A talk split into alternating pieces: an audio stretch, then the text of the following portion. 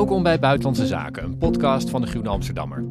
In deze podcast bespreken we internationale zaken en artikelen die in de Groene zijn verschenen. Buitenlandse Zaken verschijnt elke drie weken op groene.nl en op alle bekende podcastkanalen. Ik ben Rutger van der Roeven, buitenlandredacteur van de Groene en ik maak de podcast vandaag met mijn mederedacteur Casper Thomas. Welkom Casper. Fijn hier weer te zijn. En bij ons in het podcasthok zitten Samira Atai, buitenlandredacteur van de Standaard en oud-stagiair van de Groene en onze eigen redacteur Jacob Shahani. Samira en Jacob, welkom. Dankjewel. We hebben een speciale uitzending vandaag. Het is de eerste keer dat we een gesprek met twee gasten maken. Met Samira en Jacob spreken we over Iran, naar aanleiding van de verjaardag, als je dat zo mag noemen, van de grootschalige protesten die vorig jaar uitbarsten door heel Iran nadat de religieuze politie de jonge vrouw Masa Amini had gedood. Bij die protesten kwamen Iraanse vrouwen massaal in opstand tegen het religieuze bewind. En we gaan met Samira en Jacob spreken over de effecten daarvan en over hoe Iran er nu voor staat in de wereld. Met Casper luister ik naar historische woorden van de secretaris-generaal van de VN, Antonio Guterres. En ik ga het met Casper hebben over wat in buitenlandkringen wel het breakout jaar wordt genoemd van India als grootmacht. India was eerder deze maand gastheer van de G20, gaat economisch hard, vloog naar de maan en wordt er zo ongeveer alle landen ter wereld het hof gemaakt. Wat betekent dat voor India en wat betekent het voor de wereld? Maar eerst gaan we het dus hebben over Iran. Dat is een land met een grote bevolking, grondstoffen, veel potentie, maar ook binnengesloten door een streng islamitisch regime. In 1979 kwam het regime aan de macht na een volksopstand, maar ook die islamitische republiek die daaruit voortkwam, wordt regelmatig door grote opstanden onder druk gezet. Die van vorig jaar was wel opmerkelijk, omdat die vooral werd gedreven door de onvrede van vrouwen met het regime. Nou, uh, Jacob en Samira, jullie hebben allebei wat met het onderwerp om even een uh, flink understatement erin te gooien. Jullie zijn in Iran geboren en hebben daarna uh, nog, daar nog altijd het grootste deel van jullie familie wonen. Jacob, hoe, wat is jouw verhaal? Ik woon hier sinds 2015. in mijn 18e of 17e ging ik naar Libanon om daar te studeren. En uh, twee jaar later uh, uh, liep ik groot risico door de lange arm van Iran in Libanon, Hezbollah. Dat is ook meteen een regionale invloed van Iran in, in Libanon. En toen moest ik vluchten. En toen is het zo gebeurd, ging ik illegaal naar Turkije en dan in Nederland kwam ik terecht. Ik ben dus een politiek, tussen haakjes, vluchteling. Ja, ja, een heel indrukwekkend verhaal heb je erover geschreven. Dus je bent echt met zo'n bootje overgestoken vanuit uh, Turkije, asielprocedure om uh, doorlopen en nu uh, hier redacteur, ja. waar we heel blij mee zijn. Ben jij nog veel in contact met familie daar? Ja, het is een beetje ook lastig door internet. ze hebben ook een beetje geen internet, maar mijn familie wordt ook regelmatig bedreigd en, en ondervraagd door de inlichtingendienst, door wat ik doe hier uh, als journalist, maar ook uh, uh, mijn broer, want mijn broer woont hier ook in, in Nederland. Dus dat is ook een beetje moeilijk om regelmatig contact te hebben. Dus niet zo veilig voor hen. Maar ik heb naast mijn familie ook vrienden en een groot netwerk. In, overal in Iran probeer ik daar continu gewoon mij updaten over wat in Iran gebeurt. Overal, niet alleen maar in mijn streek dus. Ik, ik zei al in het begin dat... Um de Islamitische Republiek zelf is ontstaan uh, uit een hele grote volksopstand. Daarna zijn er hele grote straatprotesten geweest. Ook um, ja, heel, heel indrukwekkende beelden daarvan hebben we de afgelopen ja, 10, 15 jaar soms kunnen zien. Um, Samira, waren die protesten in, van vorig jaar in jouw ogen, waren die zeg maar um, een soortzelfde protesten, uh, dat ze alleen een soort andere aanleiding hadden? Of waren ze echt in aard heel erg anders, omdat die zo door um, uh, zoveel meer door vrouwen werd gedragen? Aanvankelijk, toen het nieuws naar buiten kwam dat een jonge vrouw hardhandig werd gearresteerd en nadien is gestorven, denk ik dat heel veel Iraniërs toen dachten van, oh nee, we weten wat er gaat gebeuren, heel veel mensen gaan nu sterven. Wat nadien dan zo bijzonder inderdaad is gebleken, is dat die protesten zodanig wijd verspreid zijn geworden na de dood van één jonge vrouw. En dat is in Iran geen uitzondering. De zedenpolitie, agenten die in Iran op straat rondlopen om eigenlijk de gedragscodes te controleren van Iraniërs en voornamelijk ook te kijken naar de islamitische kledingsvoorschriften, hun gewelddadig of bruut aanpak is niet onbekend. Um, en het is niet de eerste keer dat vrouwen daardoor verwond raken na een arrestatie uh, of zelfs sterven. Maar het feit dat dat nu de reden was om naar buiten te komen voor veel Iraniërs, toont aan dat de onvrede achterliggend ook zodanig breed is geworden. Ehm, het is voor vrouwen al heel lang moeilijk om in een maatschappij te leven die aan zich patriarchaal is, maar waar ook hun vrijheden voortdurend worden ondermijnd en kleiner worden. Maar dat je nu zag dat dat ervoor heeft gezorgd dat ook iedereen het plots had over de armoede, de corruptie, de droogte, alle andere problemen die 44 jaar lang aanwezig zijn in Iran. Plots begon iedereen die uit te spreken. Ehm, om het heel simpel te, te, stellen, er is een lied geschreven toen in het begin door Sherwin Hajipour. En dat heet Baraye en dat betekent omwille van. En hij somt in twee minuten gewoon alle redenen op waarom dat de Iraniërs op straat aan het komen zijn. En dat was de eerste keer dat het gebeurt, dat er over het regime werd gesproken. Als je terugkijkt naar 2009, ging het over corruptie in de verkiezingen. Als je kijkt naar 2019, ging het over de verhoogde brandstofprijzen. Dat zijn telkens heel compacte factoren, zeg maar, waarom mensen hun onvrede tonen en op straat komen. En nu ging het plots over alles. Um, en... Nou, misschien moeten we even een stukje luisteren. برای گریه های بیوقفه برای تصویر تکرار این لحظه برای چهره ای که میخنده برای دانش آموزا برای آینده برای این بهشت اجباری برای نخبه های زندانی برای کودکان افغانی برای این همه برای غیر تکراری برای این همه شعارهای تو خالی Ja, waar luisteren we hier? Het gaat over droogte, over de schaamte dat je arm bent. Het gaat over willen kussen op straat zonder dat je bang bent. Het gaat over willen dansen op straat zonder dat je gearresteerd wordt. Het gaat voor mannen, vrouwen. Het gaat over eigenlijk... Politieke gevangenen. Van Ja. alles is die eigenlijk. rol van muziek nieuw? de rol van muziek en van kunst ook, zeker, ehm, heeft ervoor gezorgd dat die protestbeweging bleef ademen, ook op sociale media. Zo aansprekend en zo mooi. Dat is gewoon voor alle redenen eigenlijk. En dat gewoon de, een, een, een zangeres of een zanger binnenland eh, die, die in Iran woont durft te zingen, dat is wel nieuw. Is dit echt het protestlied geworden ook? Ja, zeker. Zeker. Overal. Binnenland, maar ook buitenland. Ook binnen diaspora. Dat nog tien maanden na, het- na de dood van Mahsa Jina Amini nog steeds vrouwen zonder hoofddoek op straat liepen, toont aan dat er, er is daar iets in veranderd. En in die zin denk ik dat het wel anders is dan de vorige protestbewegingen. Denk jij, eh, hoe, hoe kijk jij er tegenaan, Jacob? Ja, ja zeker. Eh, ik- kijk, kijk eens van twee perspectieven. Is het heel veel veranderd, maar ook niks. Ik zal het als sociaal-culturele politieke revolutie noemen, die eh, zo binnenhuis was eigenlijk, altijd.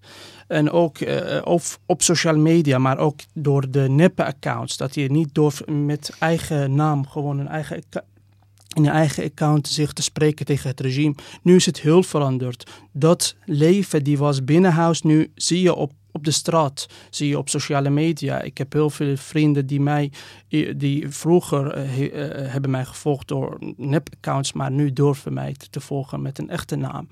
Eh, vrouwen die zonder hijab op straat te gaan, maar ook mensen die durven te spreken tegen het regime, zeg maar in de universiteiten, eh, eh, eh, straten, steden, eh, overal eigenlijk. Dat, dat van, van die zin heeft heel veel veranderd, maar van het perspectief van het regime niks veranderd. Het regime wordt alleen maar, zeg maar, die repressie van het regime wordt alleen maar groter. Eh, eh, heeft het niet toegegeven aan, aan eh, wat, wat de mensen willen. Dus hoe kijk je ernaar eigenlijk van die twee perspectieven? Ook wat, het, wat ik vind dat het verandert is dat die saamhorigheid eh, eh, tussen mensen, binnenland, maar ook buitenland. Van binnenland, eh, al die bevolkings, bevolkingsgroepen. Ik heb eerder meegedaan in 2013 of 14 in de demonstratie in Iran. Maar dit was zo'n kleine, gewoon lokale demonstratie en dat beperkt tot mannen. Uh, nu is het heel anders. Nu zie je gewoon van al die uh, uh, mensen roepen dat van, van, van de zuiden van het land tot het noorden van het land zijn we nu samen. Gewoon willen gewoon het regime veranderen. Ook in het westen, media, nu zijn we na één jaar ziet het spreken over, over de, de protesten. Dat was niet zo eigenlijk vroeger. Dus je hebt het idee dat de internationale betrokkenheid nu zeker, zeker, is. Zeker, zeker, waarom is, dat, waarom is die nu sterker dan, dan, dan anders, denk je? Ik denk voor verschillende redenen de protesten nu zo aanspreken. Want het gaat ook om vrijheden. Eigenlijk het leven. Het, het, het, begin, het, het leven in, in groot context, zeg maar. Maar uh, ik denk dat ook internationale rol. Uh, de, Iran heeft Rusland geholpen in de afgelopen tijd met de drones. En dat heeft ook een, een grote rol gespeeld in, in gedachten van mensen in, in, in, in het Westen. Dat, kijk, uh, we, dachten altijd dat wij misschien met diplomatie met Iran kunnen omgaan. Maar Iran heeft, is het helemaal gewoon van de andere kant. Is van de kant van Rusland of van China. En dat heeft denk ik ook een grote rol gespeeld. Maar, maar, deze protesten zijn toch, er werd eh, veel over geschreven in de aanloop van die ja, verjaardag, als we dat zo kunnen noemen. En ja, die zijn toch eigenlijk uh, best wel. Uh, er zijn eigenlijk bijna weinig protesten geweest op de dag zelf. Er is controle gehouden door het regime. De, de opkomst of de, de protesten eigenlijk, die, die vielen heel erg mee. Zeker vergeleken met, met vorig jaar. Betekent dat ook dat er weinig veranderd is in de zin van mensen weten dat het gewoon ongelooflijk gevaarlijk is om de straat op te gaan. En ja, moeten toch elke keer de afweging maken. Zet ik mijn leven op het spel? En dat doen ze dan toch.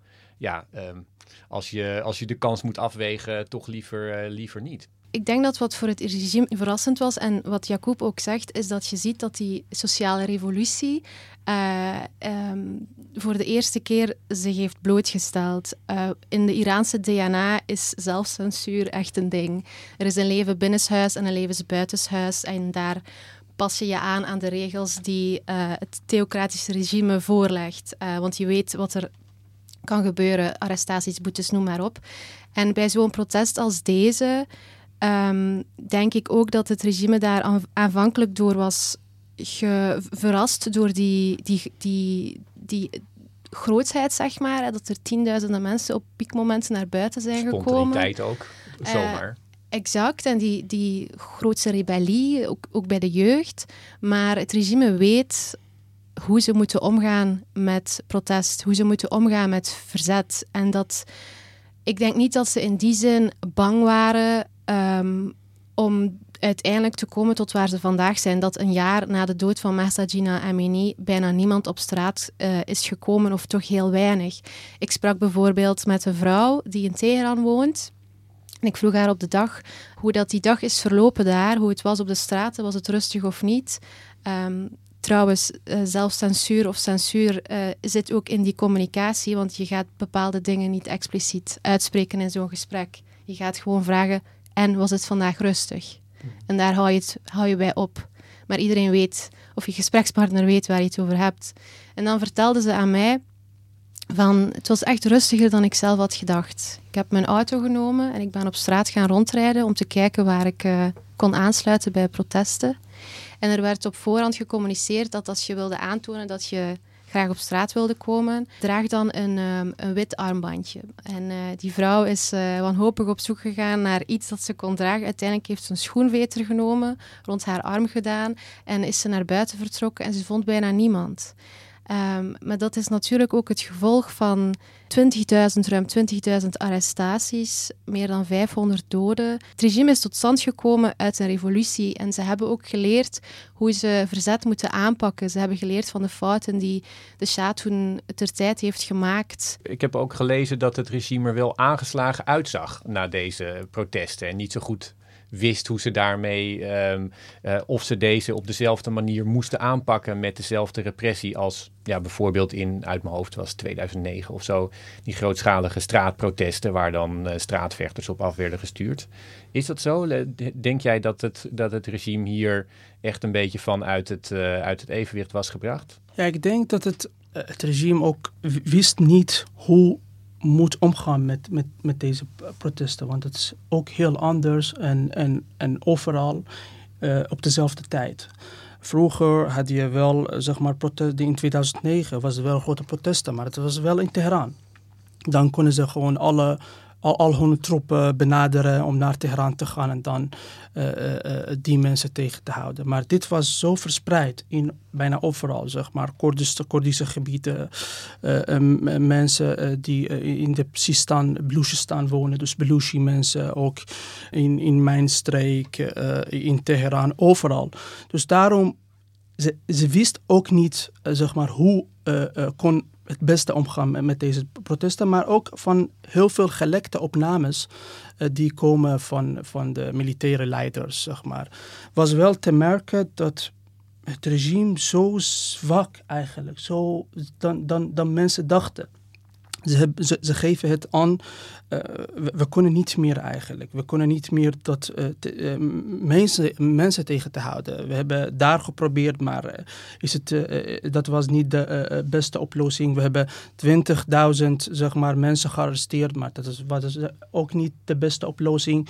Dus het regime bijna heeft de alle manieren geprobeerd, maar was niet zeg maar zo als het regime gehoopt. Want eh, het regime uh, het hoopt dat van de eerste maand uh, om, om, om, om, om al die mensen zeg maar tegen te houden. Ja, ik weet nog toen begin december, uh, nog voor eigenlijk de executies begonnen, na schijnprocessen, dat ook er werd gezegd wat moet dan nu gedaan zijn dat is ook echt opvallend. Dat, eh, dat gebeurt niet. Uh, je hebt gelijk, uh, normaal gezien uh, gaan ze gewoon... ze hebben het geleerd. Je moet niet gaan onderhandelen met de oppositie of mild zijn tegen verzet. Dat moet gewoon meteen de kop ingedrukt worden. En dat is in september begonnen. Dat is in oktober doorgegaan. In november ook. Dat is eigenlijk al best lang best lang voor een land met een protestgeschiedenis waar er vaak protesten zijn geweest en het regime ook weet hoe ze daarmee moeten omgaan. En, is het ook ehm, het, zeg maar het, gearresteerd worden uh, voor, uh, nou ja, als vrouw, omdat je aan bepaalde voorschriften niet voldoet, is, is iets waar, uh, denk ik, ehm, het merendeel van de bevolking misschien ervaring mee heeft. Jij hebt volgens mij zelf bent ook gearresteerd geweest, maar je schetste ook dat, dat er nog steeds mensen zonder hoofddoek rondlopen. Is er meer, is er meer ruimte gekomen in, die, in, in dat opzicht, denk je? Moet hebben uh, en durven tonen op straat, durven agenten in de ogen kijken zonder dat je met je hoofddoek rondloopt, dat is ongezien in Iran. Dat is echt voor wie binnen en buiten Iran uh, leeft uh, en het kent, het land, is dat echt ongezien dat je dat doet. Dus dat is op zich al een, een, een verandering. Um, of het gedoogd wordt of niet, nee, natuurlijk wordt het niet gedoogd. Maar op bepaalde punten zijn er zodanig veel mensen die zo op straat rondlopen dat, er, dat je ook niet eindeloos iedereen kan arresteren. Wat ik wel heb opgemerkt is toen ik in de zomer met veel vrouwen sprak, en dan heb ik het specifiek over de situatie in, in Teheran, is dat er heel veel vrouwen nog steeds um, op straat rondliepen zonder een hoofddoek, maar dat er ook terzelfde tijd uh, meer arrestaties werden uitgevoerd. Er werden campagnes opgestart over um, hoe je als vrouw moet leven, hoe je je moet gedragen. Maar eigenlijk zijn dat allemaal um, signalen die ook aantonen, zoals dat Jacob zegt, dat het regime zwak is geworden. In de zin dat dit gaat niet een verandering opleveren in een mentale klik die vrouwen en meisjes hebben gemaakt. Um, meer arrestaties uitvoeren, meer repressie uh, tegenover vrouwen, uh, omdat ze zich uh, minder aan islamitische kledingsvoorschriften gaan houden. Ja, dat is, dat is dat is een druppel. Ik bedoel, vrouwen worden sowieso gearresteerd. Vrouwen worden sowieso uh, erop aangesproken. En wie de voorbije jaren naar Iran is gereisd, zag ook meermaals. Je hebt de bekende metafoor van, van vrouwen die een hoofddoek telkens verder en verder naar achter dragen. De mouwen worden korter. Uh, de, de broeken zitten daar wat uh, gaten in. Jong, tieners dragen jeansbroeken met gaten. Die zaken zijn al aan het veranderen. Dat was ook voor deze protestbeweging dus dat is denk ik iets dat zich gaat blijven verder zetten, ongeacht de arrestaties. Ja, en, en ook een andere manier om te zien dat het regime ook verzwakt werd door die demonstratie, zie je naar geopolitiek eigenlijk. Ook dat gewoon het regime voor het uh, eerste keer benadert Saudi-Arabië om, om, om een deal te sluiten. Het is ook een manier om die, die die druk eigenlijk die van binnenland komt een beetje uh, te, omzeilen door uh, meer deals te sluiten uh, in, in, in de regionale zeg maar, gebied. Ja, dus afgelopen jaar hebben, hebben Saoedi-Arabië en Iran, die echt aardsvijanden zijn, die hebben een, um, ja, die hebben een akkoord gesloten en die, die willen samen de, de spanning oplossen. En jij zegt dat is eigenlijk gebeurd doordat de Iraanse regime vanwege de, de interne druk uh, vanuit de bevolking een, um, die toenadering wilde en minder internationale spanning. Ja, zeker.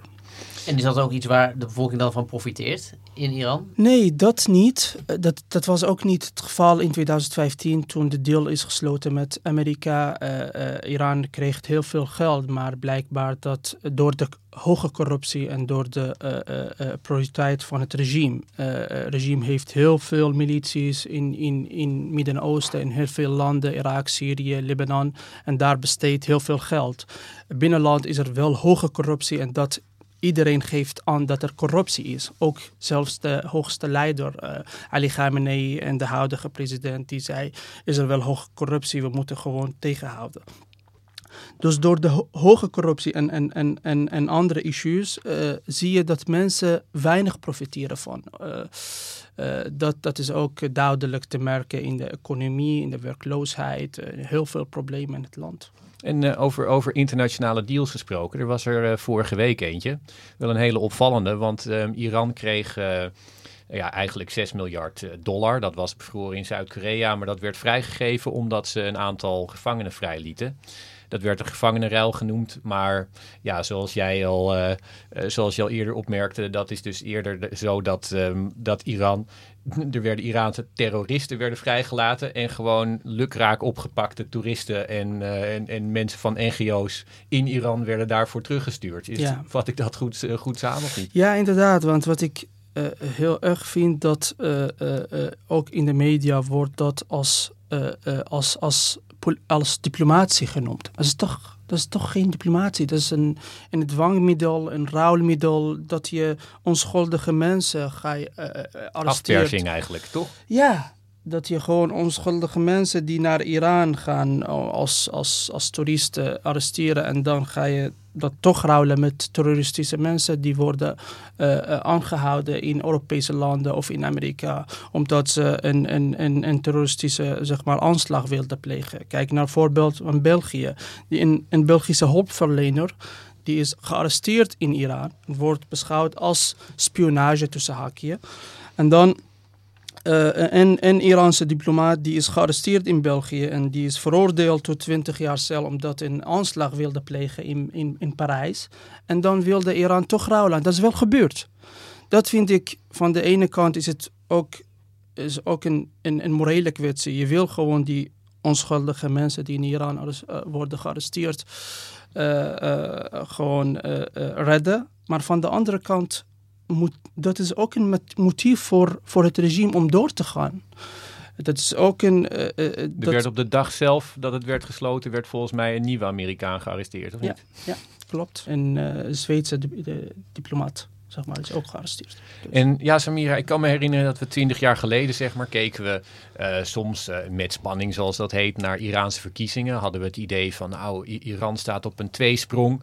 Mm. Uh, er werd dan in de verkiezingen werd het. Um, hervormers moeilijk gemaakt, maar niettemin braken er dan soms uh, uh, mensen door die gekozen werden, die wij uh, zagen als hervormers, die meer democratie wilden en en meer rechten voor de bevolking. En die stonden dan tegenover conservatieven. En de verwachting hier eigenlijk was, als die Iraniërs maar blijven kiezen voor hervormingsgezinde kandidaten, dan gaat het land ook echt veranderen. Maar was dat, um, ja, was dat achteraf gezien een, een illusie?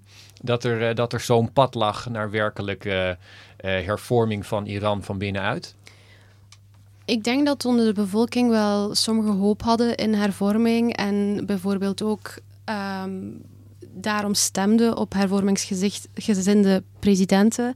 Maar ik denk dat die hoop toch wel de laatste jaren, en zeker ook met Rouhani, president Rouhani, voormalige president, is, is echt wel weggevallen. Om die vraag ook te beantwoorden, dat je moet kijken naar welke macht uh, de revolutionaire garde heeft. Um, die is ontstaan net na de islamitische revolutie door, de, door uh, Khomeini, omdat hij zag dat de Artish, de, het nationale leger, zich had gekeerd tegen de Shah. En hij dacht, dit wil ik nooit meemaken in mijn, in mijn land, in mijn regime. En de revolutionaire garde is ontstaan met honderdental leden die eigenlijk de waarden en normen um, en het werk van het regime, het islamitische regime, moesten beschermen. Uh, dat is ondertussen uitgegroeid tot een soort van uh, semi-overheidsorgaan um, dat eh, takken heeft in uh, in alle lagen van de maatschappij en, en niet alleen daar is om die waarden en normen uh, te beschermen, maar heeft ook een invloed in de economie, heeft invloed in, op buitenlands beleid en noem maar op. En toen uh, Mohamed Khatami, voormalig president, ik denk dat hij soort van ook wel een, de hervorming een beetje heeft proberen door te duwen in, de, in de Iraanse maatschappij. Hij was president tussen 1997 en 2005, als ik me niet vergis. En hij heeft wel wat, uh, wat proberen veranderen. Voorzichtige hervormingen, maar toen hij dan bijvoorbeeld aan de garde probeerde te sleutelen en die macht naar beneden wilde halen, dat uh, hebben ze de, de kop ingedrukt. En dat komt omdat um, uh, toen hij de opperste leider werd, ervoor heeft gezorgd dat de revolutionaire garde en de opperste leider samen één één blok vormen. Waardoor je eigenlijk het fundament um, hebt gelegd dat wat er op, oppervlakte, op de oppervlakte zou veranderen, zal nooit raken aan de kern van dat islamitisch regime. Waardoor, en dat zie je denk ik nu wel, welk soort hervorming er zou kunnen zijn, welk soort president er zou opgevoerd worden, dat gaat niet die basislaag aantasten, omdat het niet meer kan. Dan zeg je nu eigenlijk ook dat de enige uitweg voor Iran een, uh, een revolutie is? Ik denk het wel. Ja. Jij knikt ook, ja goed? Ja, zeker, zeker. Dat geloof ik wel. En dat als je naar de uh, uh, gelekte opname van voormalige minister Jawad Zarif luistert, voormalige Iraanse minister, dat is ook van hervorming, zeg maar, die zei, die heeft het Iraanse politiek beschreven als in twee podium. We hebben oorlog en we hebben diplomatie. Oorlog, dat is gewoon de kant van hardliners en bedoelt dat de regionale invloed van Iran en, en, en wie de macht heeft binnen land. En de, van diplomatie bedoelde hij de hervorming. Hij zei letterlijk dat de diplomatie altijd slachtoffer van de oorlogpodium. Van, dus van de, van de, hij, hij, hij wilde hier zeggen dat de macht altijd aan de handen van hardliners zijn. En dat ligt onder andere uh, uh, de hoogste leider, zeg maar, in, in, in, dit, in, in deze kring, Ali Khamenei en de huidige president. Dus ja, er is eigenlijk geen hervorming partij in Iran. de macht nu is aan de hand nu en was en, en blijft aan de hand van de hardliners. En de enige weg om, om, om, om die zeg maar, uit, uit dit land weg te, te, te doen, dat is door de revolutie. Dat werd al gezegd toen de revolutie uh, er was in 1979. Werd er al heel snel, uh, als ik luister naar de verhalen van mijn familie, dachten veel mensen van oké, maar volgend jaar breekt er een revolutie uit en is dit wel weer weg. Volgend jaar, volgend jaar. Tot, uh, tot je nu 44 jaar later dat nog steeds niet ziet. En ik uh, praatte eens met een leeftijdsgenoot, ik ben 26, en ze zei elke keer als wij jarig zijn, onze vriendengroep, dan uh, blazen we kaarsjes uit en zeggen we op revolutie volgend jaar. Het is nog steeds een, een gedachte die speelt in mensen hun hoofd. En, en je merkt, ik weet niet, Jacob, of dat bij jou ook zo is, maar dat veel mensen, het is hoe de mensen in het land zelf denken uh, dat het niet anders kan dan met een revolutie. En je merkt wel dat de mensen uh, gaan richting deze kant eigenlijk. Ja. ja. Is het zo dat het afgelopen jaar uh, en die 16 september vorig jaar en wat er sindsdien is gebeurd, heeft jou dat meer het gevoel gegeven dat dat. Je, jullie hebben allebei heel veel van die jaren gezien waarbij je hoopte op een revolutie en die er niet kwam. Heb je, heb je toch van het afgelopen jaar het gevoel dat dat moment dichterbij gekomen is? Ja, ja, zeker, zeker. En ik heb dit gevoel nog steeds zo. En jij, Samira? Ik denk dat... Ik, ik deel dat gevoel ook, maar ik, um, ik denk dat er heel veel uitdagingen zijn met name omdat het regime heeft geleerd uit, uh, uit die opstanden toen der tijd. En uh, de maatschappij is op een zodanig manier nu gevormd om alle soorten protesten tegen te houden. Ehm, de nationale stakingen toen der tijd waren heel hebben een heel belangrijke rol gespeeld. Ehm, en wat je nu ziet, en dat eh, noemt de uh, Iraans-Nederlandse historicus Peyman Jafari als de neoliberale aanval op de werkende klasse. Je hebt nu ook stakingen gezien in de, in de, in de protestmaanden, uh, maar die waren nog niet zo grootschalig.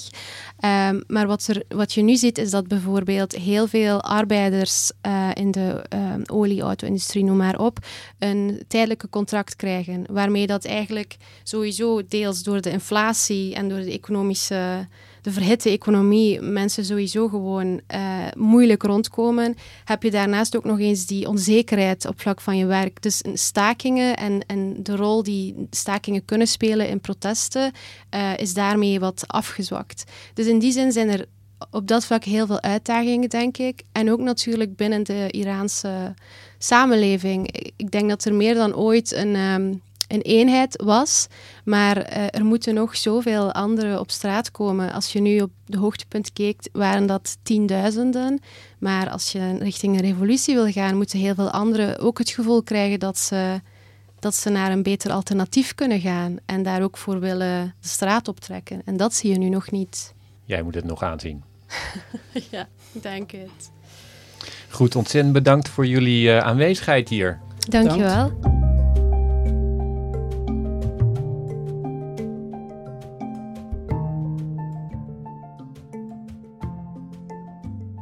En dan nu historische woorden, onze rubriek waarin we citaat bespreken uit de afgelopen weken dat zomaar historisch zou kunnen worden.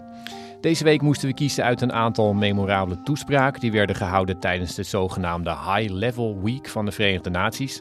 Dat is een week in september waarin regeringsleiders traditiegetrouw naar New York komen om daar te overleggen en plechtige woorden tegen elkaar te spreken.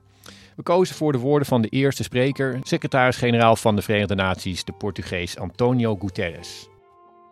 Our world is becoming unhinged.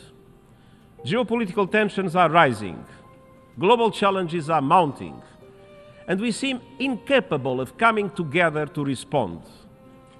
We confront a host of existential threats, from the climate crisis to disruptive technologies, and we do so at a time of chaotic transition.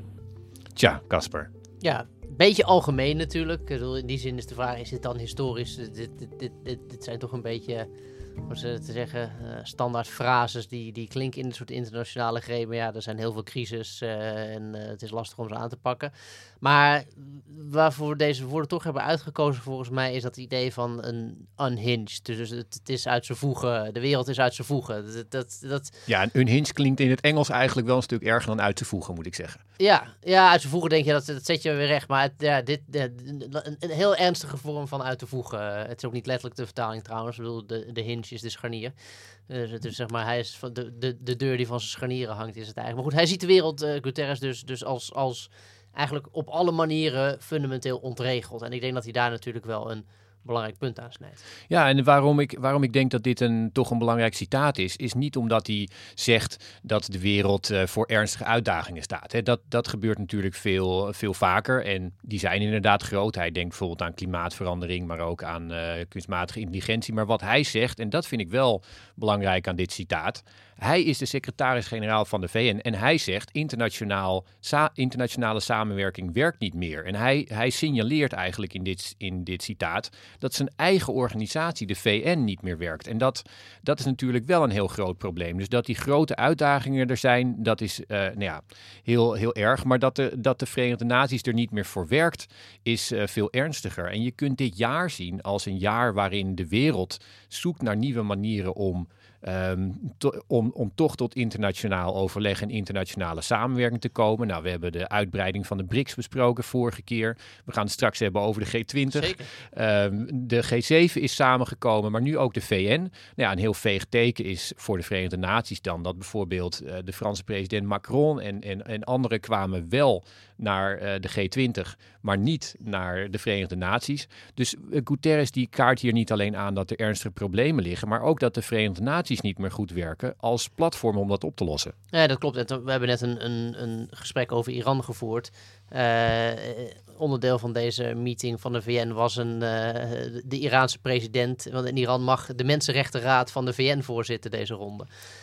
en heel, heeft daar een hele speech gehouden en iedereen zit daar braaf en hoort dat aan. Dus het hele idee dat, dat, dat het een soort neutraal platform is, dat, dat neemt af en toe misschien ook wel we hadden het eigenlijk even aan, aan Jacob en Samira kunnen vragen. Maar dat neemt af en toe gewoon een beetje absurde trekken aan. En ook als je kijkt naar de hele uh, de Russische inval in, in Oekraïne. Uh, de, de, VN heeft daar geen enkele zinvolle rol te spelen. Want, want Rusland zit erin en kan gewoon alles wat zinvol is uh, blokkeren. Dus ja, dus, dus die, die, die verlamming van zijn eigen organisatie. Het is, een unhinged VN is een soort microcosmos van een unhinged wereld wat dat betreft.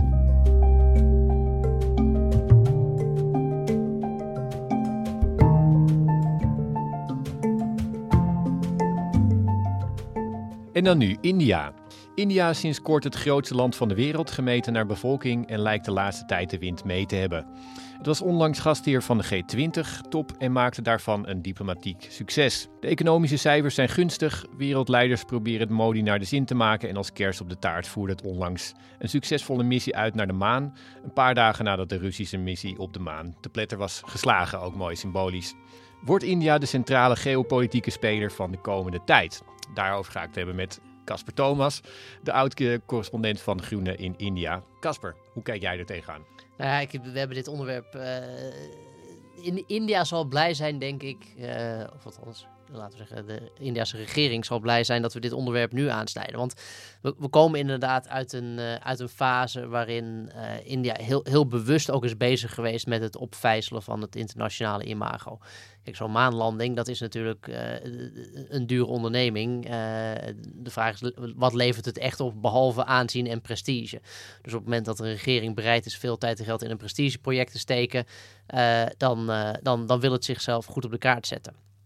En dit reikt eigenlijk terug naar een, een, een fundamentele punt in, dat de belofte van Modi, voor het eerst verkozen in 2014, dus die zit er straks bijna tien jaar, en de kans is vrij groot, komen nog over te spreken, dat hij bij de verkiezingen van 2024 weer voor een volgende termijn gaat. Maar de expliciete belofte van Modi was uh, aan, aan, aan India, op dat moment een land inderdaad in groei, in ontwikkeling, met een sterke groeiende middenklasse. Uh, van ik ga, ik ga een president worden die India gezicht geeft op het wereldtoneel, internationaal aanzien, en macht en, en, en, en daadkracht in de wereld. Nou, en die belofte, ja, die, kun je, die kun je niet zomaar in. Dat de lastigste verkiezingsbelofte om in te lossen, zeg maar. Binnenlandse politiek is aanzienlijk makkelijker wat dat betreft. Want in die buitenlandse politiek ben je afhankelijk van wat andere leiders in de wereld vinden. Als niemand jou dat respect geeft, of niemand met jou een deal wil sluiten, of niemand uh, met jou zaken wil doen, ja, dan, dan houdt het snel op. Maar dat is India dus de laatste tijd enorm aan het lukken. Uh, Amerika is heel druk bezig met India te paaien. Uh, Europa is nog wat zoekende naar een India-strategie. Um, en dat komt eigenlijk, India is, is gewoon terechtgekomen op een plek dat het, dat, het, dat het cruciaal is voor ook wat heel veel andere landen in de wereld willen. Amerika wil een groot blok tegen China vormen. Uh, nou, dan, dat, dat, dat blok valt en staat of het echt groot en sterk is als India daarbij zit. En het feit dat India dus die G20-top ook nu mocht hosten, dat is natuurlijk voor, voor Modi fantastisch. In het uh, vlak het jaar voordat de verkiezingen beginnen. Uh, en dan ook nog eens een keer inderdaad met uitkomsten die India keurige zinnen, komen we vast ook nog over te spreken. Dus ja, het gaat India voor de wind. Um, en economisch gezien, dat is, dat, is de, dat is jarenlang toch wat magertjes geweest ook nog. Maar uh, econom, de, groei gaat ook best goed. Uh, India groeit harder dan China, ook momenteel economisch. Nou, dat is een, uh, een, een mijlpaal, denk ik, ook voor dat land. Want China was altijd het, het grote groeiwonder van de wereld. Ja, en als we het straks even hebben, straks gaan hebben over die G20 en de, en de geopolitiek. eerst nog even over Modi. Ik heb laatst luisterde ik een podcast waarin iemand hem de, de, de meest indrukwekkende wereldleider van dit moment noemde. En die zei, ja, we hebben wat we hebben problemen met Modi omdat hij zo'n zo'n ja, hindoe-nationalist is, die, die toch duidelijk de spanningen aanwakkert in zijn eigen land en een democratie uitholt. Maar hij um, doet allemaal dingen die het, het leven van, van miljoenen Indiërs ook echt beter maken. Hij, hij heeft het heel veel projecten vlot getrokken, internationale diplomatie gaat goed. Vind jij hem inderdaad zo'n zo'n goede leider ook of niet? Nou ja, kijk, of, het iemand een goede leider is, dat is een, dat is een soort vraag die moeten de Indiërs maar bij de stembus beantwoorden. Maar waar Ja, op Duit nu, dat, dat, dat snap ik zeker wel. Als je ook vergelijk het even met, laten we zeggen, inderdaad, wereldmachten, uh, grote, grote landen. Wat, wat hebben we dan? Nou, we hebben Trump of Biden als het naar Amerika gaat. Nou ja, uh, wordt, wordt, goed, daar hebben, daar hebben we het zo vaak over, daar hoeven we niks over te zeggen, duidelijk. Poetin in, uh, in Rusland, ook niet een al te best, uh, al te best verhaal. Zie in China, uh, gaat, dat gaat, gaat, gaat ook niet al te lekker. Eigenlijk is de enige met wie het, wie het goed gaat als, als wereldleider, is, is Modi. Uh, en, en, die ook, een, laten we zeggen, een, een, een, een stevig contract heeft met het grootste deel van zijn, van zijn bevolking. En de, de kiezers zijn, het grootste deel van de India's kiezers zijn heel blij met hem, ondanks inderdaad de, de kritieken die jij, die jij net noemde. Dat is eigenlijk iets wat je voor geen enkele andere wereldleider kan zeggen uh, op dit moment. Dus in die, zin, uh, in die zin snap ik dat wel. En waar je dat ook aan ziet, dat, uh, dat die gelegenheden krijg je ook als je inderdaad zo, zo lang zit en echt Modi is bezig met het echt, heeft, is, is India echt aan het transformeren. Je hebt een, het, het oude India, het postkoloniale India en het nieuwe India, wat begonnen is sinds Modi daar is, uh, daar is aangetreden. En dat uitzicht dus ook symbolisch. Een van de dingen waar, ik heb daar ook nog in de column uh, voor mij al twee weken geleden over geschreven, maar Modi speelt met de gedachte om de naam van India te veranderen in het Sanskriet Bharat. Nou, dat is, dat, je wil je naam een andere, je land een andere naam geven. Als je een stempel op de geschiedenis wil drukken, moet je dat doen. Want het betekent groots, toch? Ja, dat, ja Barra is, is, is groot. Uh, dus er zit, dat, dat, dat zit in dezelfde stam of in dezelfde etymologische hoek, zeg maar. Um, uh, nieuw parlement, het, het, oude koloniale parlementsgebouw, uh, dat volstaat niet meer. Dus dat moet maar nieuw worden, weet je. Dus um, ja, in die zin is India echt al getransformeerd, zou je kunnen zeggen. En, uh, dus, dus ik snap wel dat. En dan, als je dan ook nog eens een keer in de situatie komt dat andere wereldleiders graag jouw vriendje willen zijn. Uh, ja, dan, dan, dan zit je stevig, dan ben je een sterke leider, denk ik. Ja, want die, die G20-top, nou, die was eerder deze maand, um, werd als een groot succes gezien. Werd door India als een groot succes uh, gepresenteerd. Vind jij het een belangrijke mijlpaal ook? Nou ja, het, kijk, de uitkomst van die G20-top, was, de grote vraag was natuurlijk, komt daar dan een, een, een sterk statement over Rusland en, en Oekraïne uit? Nou, dat, dat gebeurde niet. Dat kon je van tevoren wel een beetje verwachten, want ook Rusland was aanwezig en China was aanwezig. Weliswaar bij die twee landen niet in, in, in vormen van uh, de leider van het land. Maar goed, het feit dat het onder India's auspiciën in, in Delhi tijdens die G20-top gelukt is, tussen aanhalingstekens, om een, om een verwaterd uh, statement uit te brengen als G20 over wat er, wat er gaan is in Oekraïne, zou je als het ware kun je dus interpreteren gek genoeg als een, als een India succes. En waarom, hoe dan? Nou zo, als het, als het Westen waar spreken de baas was geweest, als de Amerikanen uh, het voor het zeggen hadden en, en Europa in het kielzog, dan hadden ze daar ook de G20 kunnen dicteren. Maar India zit al langere tijd, sinds de Russische inval in Oekraïne, houden ze zich afzijdig uh, uh, van dat conflict. Ze spreken zich niet sterk uit tegen Rusland. Ze hebben een hele belangrijke rol gespeeld in het, in het feit dat Rusland überhaupt in staat is geweest om de sancties vanuit het Westen te overleven. Omdat met name India een, een groot afnemer werd van Russische fossiele brandstoffen. Um, en vervolgens op zo'n top, en wordt India, is eigenlijk India's positie uh, het dominante verhaal wat er uitkomt in de, in de verklaring van de wereldleiders. Dus uh, India zet op dat moment de, de, het, refrein van de wereld behoorlijk naar hand. Ik ga, ik ga even hier een ander verhaal uh, zeg maar tegenoverstellen. Moet jij even zeggen wat je wil. Kijk, wat ik heb gelezen is um, deze G20-top, die dreigt een mislukking te worden. Um, nou ja, je zei het al, Poetin kwam niet, Xi Jinping kwam niet, Biden die zat te twijfelen. Als Biden niet was gekomen, dan was het gewoon eigenlijk wel een beetje een uitgeklede top geweest. Wat er vervolgens is gebeurd, is dat dat um, uh, de Verenigde Staten, wat nog steeds qua economie veel groter is, qua leger en andere indicaties van macht. Uh, de Verenigde Staten hebben echt India een succes willen gunnen. Biden is er persoonlijk naartoe gekomen. Hij is akkoord gegaan met. Um, een, uh, een, ja, een slappe verklaring over Rusland. Nou, dat is door Rusland en, en China als een enorm succes gepresenteerd. En ook wel in, in de internationale pers als een soort belangrijk moment gezien dat, eh, dat de wereldverhoudingen uh, veranderen. Maar ik denk dat het ook belangrijk is om te zien dat dat, dat is zeker waar, dat die, wereld, eh, dat die verhoudingen in de wereld veranderen. Maar de Verenigde Staten gaan hier best slim mee om. Dat ligt aan een ehm, nationale veiligheidsadviseur Jake Sullivan, die totaal onbekend is. En dat zegt ook iets over zijn aanpak. Hij wil niet alleen zelf niet op de voorgrond treden. Bedoel, Henry Kissinger had bijvoorbeeld dezelfde baan.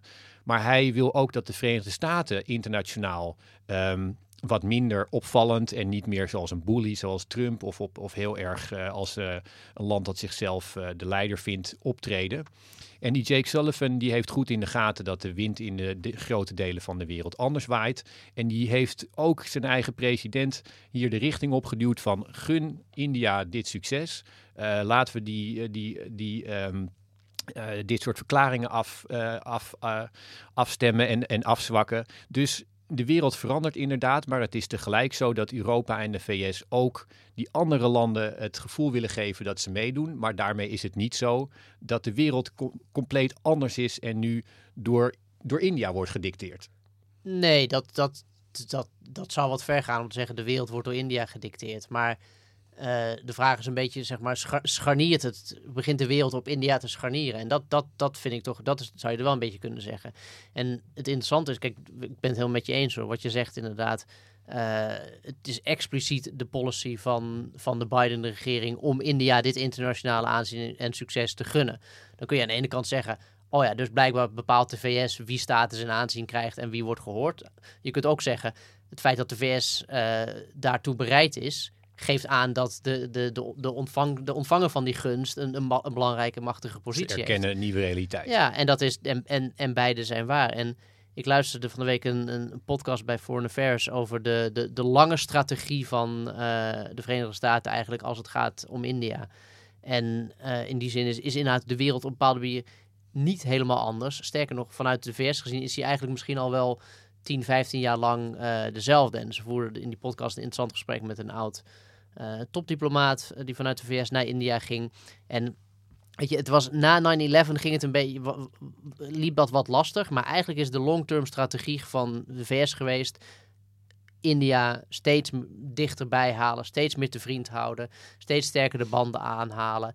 En dat wordt deels gedaan omdat India is een goede markt. Uh, het, is, het is gewoon een, het is een, een prettig land om als bondgenoot te hebben.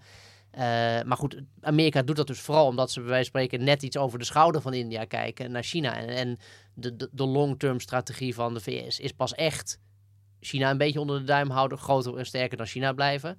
Maar dat pad loopt onvermijdelijk via India.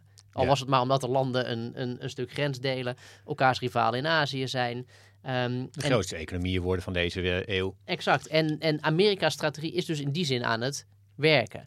En India's strategie is eigenlijk, en overigens is dit ingezet uh, onder, uh, onder de vorige uh, president, niet, niet de vorige president chronologisch, maar de vorige president die de partij van Modi heeft geleverd.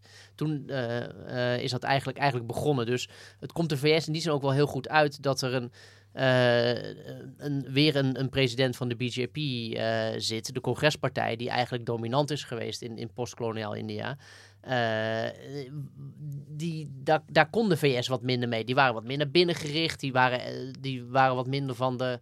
Die, die waren gewoon niet zo geopolitiek geïnteresseerd, om het zo maar te zeggen. En die BJP, die, die dus in, die dat, dat, dat Hindoe-nationalistische er sterk in hebben. Bedoel, bij sterk nationalisme hoort ook een, een, een, een sterk internationaal aanzien. Dat, dat, dat gaat samen. En die congrespartij had daar gewoon altijd minder interesse in. Dus het komt de VS in die zin ook wel toch wel weer goed uit, denk ik. En dat, uh, dus we zien hier eigenlijk een wereld die al, al lange tijd in de maak is. Ja. En die nu, nu. En India's opstelling is altijd een beetje, laten we zeggen, de bruid die zich niet zomaar laat uh, uh, trouwen. Om die, weet je, het is, India tekent niet bij het lijntje. En um, je had het over verkiezingen die eraan komen. Nou, um, gaat, is dit een soort wisselwerking? Modi die doet het internationaal beter en die gaat aan zijn eigen bevolking vertellen kies me weer, want ik ben een, uh, de hele wereld vindt mij een, een, belangrijk man. Ja, nou ja, dat, dat, is, dat is exact wat er gaat gebeuren. En in die zin, we hadden het even over dat, dat India dingen wordt gegund door de, door de rest van de wereld, of in ieder geval door de westerse wereld. Het, het, belangrijkste wat hier gegund wordt, misschien wel, is het feit dat in het moment waarop dit allemaal gegund wordt. Dat, ik bedoel, India sluit dus een zeer succesvol jaar uh, op, het, op het internationale toneel af. Het jaar voordat er verkiezingen gaan beginnen daar. Uh, dus als deze cadeautjes die Modi dan eventueel gekregen zou hebben, dat twee jaar geleden zou hij er veel minder aan gehad hebben dan nu. Dus in die zin werkt de, uh, de internationale gemeenschap ook heel erg mee aan, uh, aan bepaalde mee aan Modi's kansen om herverkozen te worden. Modi wil dit nu, want die wil inderdaad dat, dat wij spreken de G20-top nog. En dat is lang niet dat dat voor heel India tot, tot op de diepste van, dieptes van het platteland zal gelden. Dat te zeggen, oh nou, hadden een goede G20-top. Ik zet weer even een kruisje bij Modi. Zo werkt het niet. Maar voor Modi's belangrijkste achterban is, is dit, doet dit er wel toe. Uh, die, die internationale, gewoon, het is gewoon internationale status. Dat is voor een heel groot deel van uh, dat wat welvarendere, wat hoogopgeleidere Indiase middenklasse, is dat gewoon een heel belangrijk punt. En dat, dat is, daar is India niet in anders dan, dan andere landen. Ik ben trouwens ook, Kleine Zijstraat, heel benieuwd in hoeverre dat een rol gaat spelen bij onze verkiezingen. Zeg maar, dat zou zomaar eens bijvoorbeeld in het. Rutte was een staatsman, die kon je prima naar een buitenlandse top sturen. Uh, gaan... Rutte, eh, die gaat volgens mij, uh, heeft gewoon zijn oog op, op een grote internationale baan. Tuurlijk. En, maar goed, de vraag is, gaat het straks hier in Nederland meespelen dat, dat weer Pieter Omtzigt naar, naar Delhi sturen, Caroline van der Plas... Weet je, dat, dat, zijn, toch, dat, zijn, dat zijn toch vragen. Uh, Wilders, uh, Jezielgus. Ja, dat is een, een, een argument wat de, de PvdA, de GroenLinks, denk ik heel vaak gaat. Nou ja, dat, dat, dat, ik, ik denk dat, dat, er, dat, dat PvdA GroenLinks hoopt dat ze, dat ze van die dynamiek enigszins zullen profiteren. Laten we het nog eventjes over India hebben. India heeft ook zijn, zichzelf heel erg gepresenteerd altijd als uh, leider van ongebonden landen. Nou, dat is... Um, heeft uh, decennia is dat een beetje stilletjes gebleven, maar wil zich nu heel erg opwerpen als die leider van, uh, van, van de rest van de wereld. Het is een beetje een, um, ja, een, uh, ook een verhaal wat, um, wat wel erg ja, erg retro klinkt? Of heb jij het idee dat dat... Uh... Nee, dat, dat, is, dat, ben ik wel met dat is erg retro. En ik denk, ik, het grappige is, India is zeg maar groot genoeg en, en, en, en doet mee genoeg. Voordat dat, die heeft niet per se heel veel andere landen in het eigen kielzorg nog nodig om, om die rol te kunnen spelen. Het, het, zal de VS niet interesseren of India ook nog namens een aantal andere kleine landen spreekt hierin. Het gaat, het gaat echt om India en India alleen. Dus, die, die, dus ik, ik, ik denk dat die, die ambitie, die rol, dat dat wat. Ja, dat, dat, dat, dat, ik denk, dat, daar moet je je volgens mij niet te veel meer van voorstellen. En voor mij leven we dus ook niet in een, in een wereld waarin er veel landen zullen zijn die zeggen: ja, wij, wij, wij laten ons in internationale chemia uh, vertegenwoordigen door wat India wil. Dat, die, dat, zo, zo zie ik dat niet.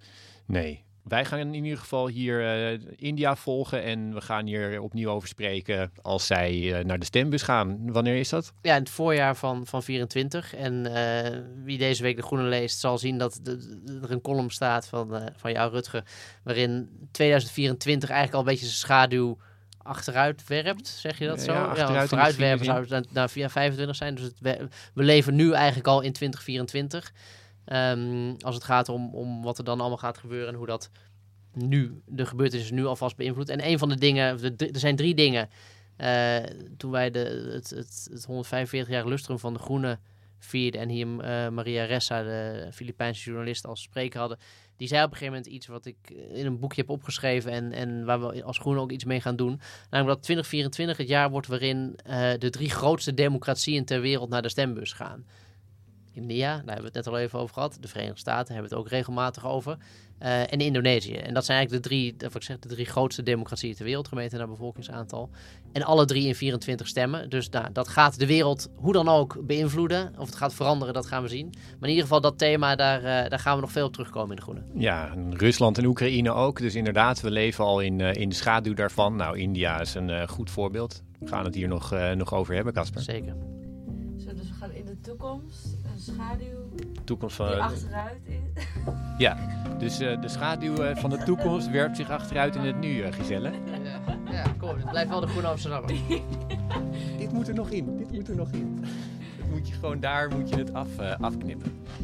Dat we nog eventjes, dan hoor je de tune en dan hoor je ons, dan, dan ga jij zo van.